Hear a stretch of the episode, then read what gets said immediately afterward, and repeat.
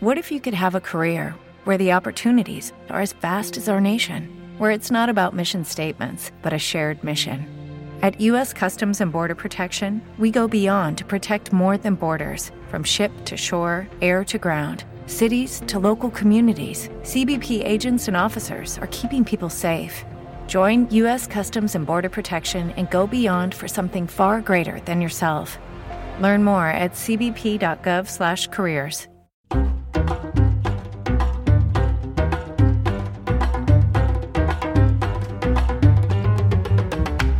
Nestes tempos de epidemia de andazo mundial, compre de cando en cando ollar a nosa historia para saber como viviu o mundo outras epidemias. Por exemplo, a peste. E para saber diferentes perspectivas do que aconteceu coa peste, que foi un andazo que asolou durante séculos a Europa contamos o outro lado do teléfono con dous amigos de Efervesciencia. Por un lado, temos a Eduardo Rolán de Gue Ciencia. Moi boas noites, Eduardo. Hola, boas noites. Con Eduardo Rolán xa falamos ao principio eh, desta pandemia de cuestións históricas e de outros andazos. Pero tamén imos botar man do noso microbiólogo de cabeceira que é Esteban Fernández Moreira, que é eh, profesor na Universidade das Américas en Ecuador, Quito. Boas noites, Esteban. Hola, que tal, como estades? E agora xa temos o noso equipo preparado para facer eh, coñecer cousas sobre a peste. A boa, empece vostede disparando. Mira, o primer disparo é para o amigo Eduardo. Mira, che, a, a, peste, bueno, chegou aquí no 1348 efectivamente, pero chegou cun pequeno polizón que viña nun barco porto de Bayona, non? Quen, quen era este personaxe? Bueno, pues este personaxe, como, bueno, como todas as pandemias, teñen que ter algún orixe. En este caso, eh, foi como moitas outras veces relacionada co comercio. Chegou un barquiño a ao Porto de Bayona, eh, bueno, din que é que, bueno, un xeito de, de contarlo, de narralo con pouco de gracia, algo que non tivo ninguna, pois unha rata negra, baixou como polisoa, baixou por unha maroma, mm. e viña, pois, co, eh, coa, coa bacteria que, bueno, co, coa, coa, coa peste, que comezou, dende o Porto de Bayona estendeuse por toda Galicia. E hai que dicir que é interesante que este tipo de rata agora mesmo non é a máis común, daquela sí que era a rata negra, non? A, a, a ratus ratus, e hoxe en día pois temos a, a que máis abunda que vemos por, polas rúas e tal de noite ás veces, é outro tipo de rata, rata gris, que non é un vector da peste, non? De nada, o que pasou ali foi que despois dese desembarco en 1348, nada, en poucos meses por toda Galicia quedou arrasada coa coa epidemia da peste negra. Foi unha unha monstruosidade en algúns aspectos era moi semellante a que a, a, a crise que estamos a vivir agora, pois houbo as primeiras cuarentenas, eh, bueno, eh, houbo pánico, houbo tamén fake news eh, daquela, non? Foron os leprosos eran perseguidos, mira que non tiña nada que ver coa, coa peste negra, pero eran perseguidos, os judeus tamén, porque dicían sempre pagan, sempre que sempre pagan os judeus e a boa de Einstein eh, saber entendelo ben, non? Porque, bueno, porque como tiñan uns hábitos de, de higiene maiores que, que o resto, pois é certo que estaban, pois tiñan menos impacto a peste, non? Bueno, pasaron algunhas cousas que eran tremendas. E, e o máis significativo foi que cambiou, a peste negra cambiou a, a, a vida social de Galicia, porque eh, es, eh, vamos, es, esborrallou o sistema económico e, e social por, por, la, por, la, por la morte, non? Un pezo da población eh, eh, feneceu non? naqueles anos, non? Da población galega, a economía esborrallou, eh, bueno, e, e a xente nun momento no que estaba moi pegada á terra e, a, e, a, e ao señorío dos, dos, da iglesia, dos, de dos nobres e dos señores feudais, pois eh, a xente fuxiu aos montes, as cidades quedaron despoboadas, bueno, aquelo foi de verdade que unha crise terrorífica, non por aquel polixón do que falaba a de Einstein, non? Bueno, a xente debería relaxarse un pouco ou facer comparacións, porque, claro, eh, daquela morrera moitísima máis xente, foi, foi un desastre, unha, unha catástrofe, digo, non, non vai a ser que agora a xente pois diga, non, pois a, as ratas de antes agora son os turistas madrileños, etcétera, etcétera. Ah, non, tranquilidade, tranquilidade, no, no, eh, tranquilidade. tranquilidade. Eh, aparte, aparte, xa digo, claro, un terzo da población non é o mesmo que, que a que a relación que temos o que, que está a acontecer agora co coronavirus. O que sí, os que máis saben, eh, moitísimo saben da, da peste negra en Galicia, daquela onda epidémica, son os arqueólogos, porque o que atopan son enterramentos en os, nos sitios máis insospeitados de Galicia, onde morría a xente, ali non se enterraban. Non había sitio de enterrar a tanta multitude de mortos. Foi unha, bueno, tivo unha incidencia que non podemos comparar, desde logo, coa, coa do coronavirus actual, claro. E a xente escapaba ao monte. Sí, sí, daban unhas licencias especiais, porque xa digo que, como todos sabemos, na idade media o a, a relación do, da, das persoas, bueno, a individualidade non existía eh, realmente, o sea, non era, era un concepto eh, in, digamos, inconcebible para, para as persoas, os conceptos de liberdade ou individualidade, eh, todo o mundo estaba suxeito a un señor ou, a, ou achegado a unha terra, os servos da gleba que pertencían eh, físicamente, prácticamente, a, a mesma terra da que non se movían en toda a súa vida, daquela se deron os, os bispos e os señores feudais deron permisos especiais non de, de ausencias, chamaban ausencias legais, hai documentos que se conservan en diversos arquivos de Galicia nos que se permitía que a xente fuxise aos montes porque a, o, o, realmente o peor da, da, da, da epidemia, da pandemia da, da peste negra da, da Idade Media era que afectaba os núcleos urbanos, os sitios máis poboados. Entón, as vilas e cidades de Galicia sufriron dun xeito, bueno, se vamos a Noia hoxe e vemos eh, sartegos medievais, podemos atopar nos desa época do século XIV de mediados, moitísimas inscripcións que falan morreu pola mortalda, morreu pola mortalda de nobres e tal. E tamén foi interesante porque por primeira vez o, poder da Igrexa quedou moi eh, tocado, non hubo unha, unha revolución social, porque morrían todos. Era unha doenza que non, o que comía ben ou o que comía mal, non, non había prácticamente grandes diferencias. Todos morrían, todos quedaban igualados por aquela, por aquela peste, non? Entón, bueno, a verdade é que foi un, un, un feito, vamos, notabilísimo o sea, na, na Idade Media e na historia da humanidade, claro.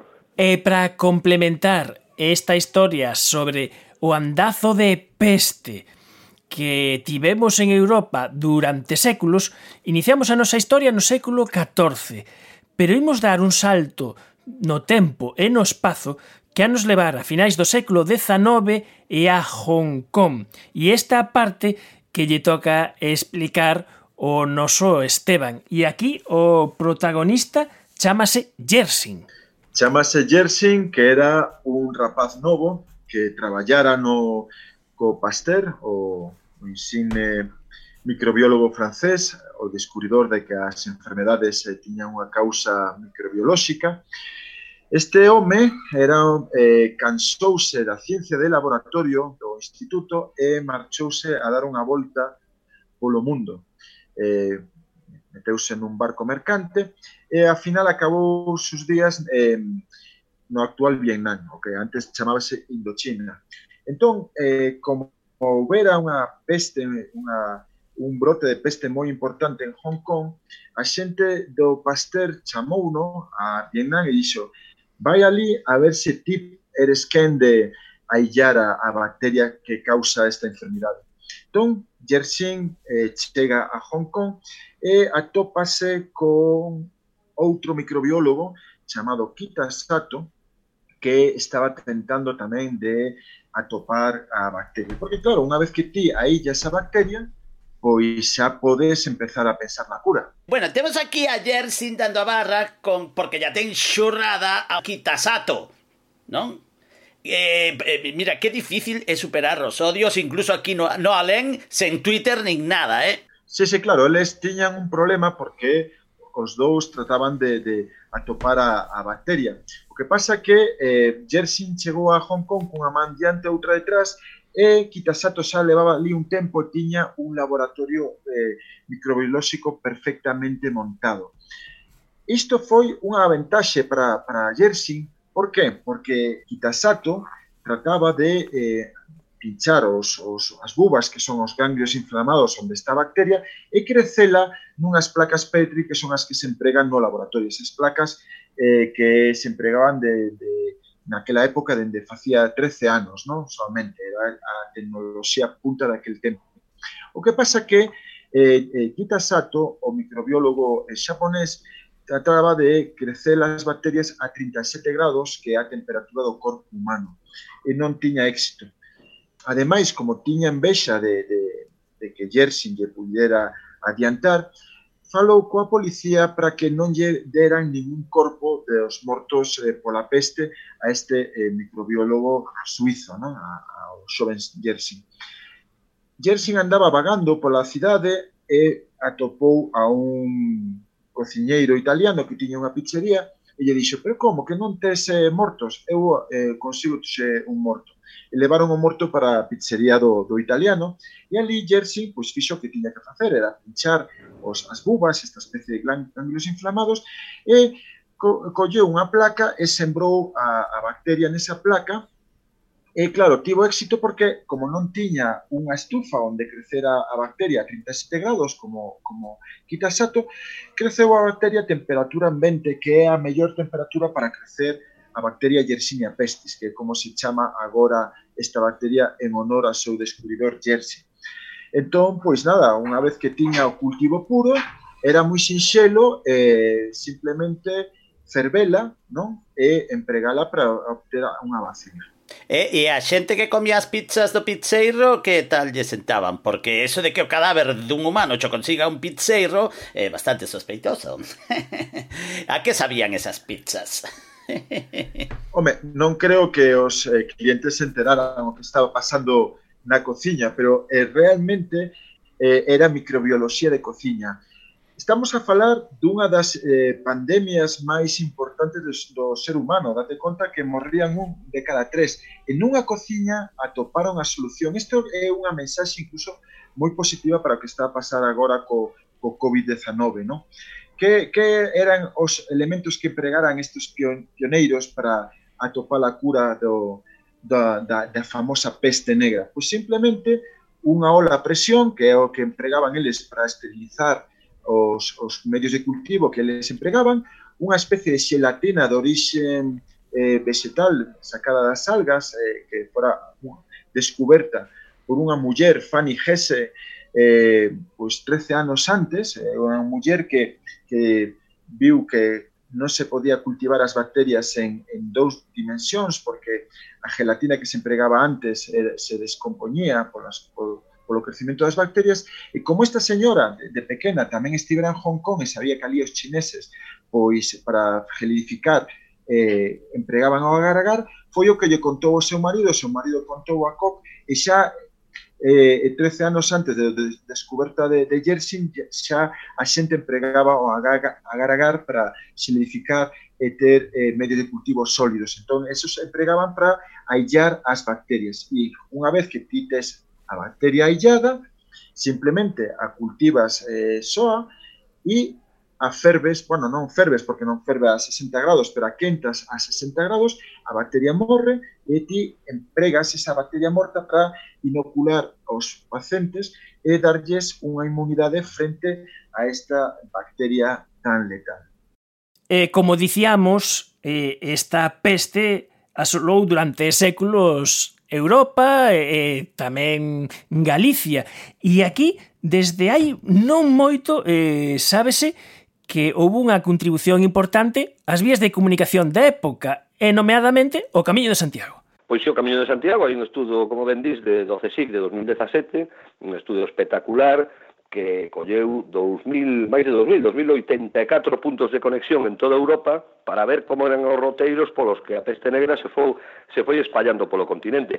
E aparece unha outra vez, un século tras doutro, sobre todo na Idade Media, o Camiño de Santiago.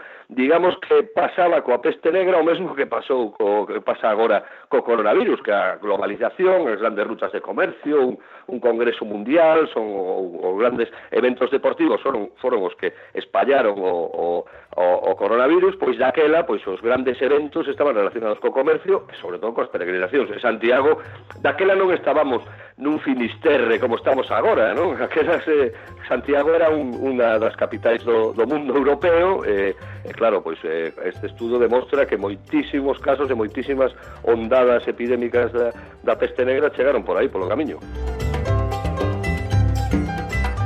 Unha historia de séculos que foi a peste negra.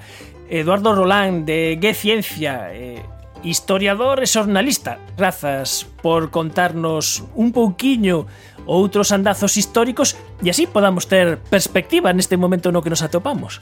Pois nada, moitas grazas a vos e moito ánimo nestes tempos. E tamén estivemos a aprender cousas sobre a historia da peste co noso microbiólogo de cabeceira, Esteban Fernández Moreira, que nos atendeu desde Quito, Ecuador, onde traballa. Moi boas noites, Esteban. Boas noites aos ointes tamén a boa de Einstein, a Eduardo e tamén a ti, Manuel.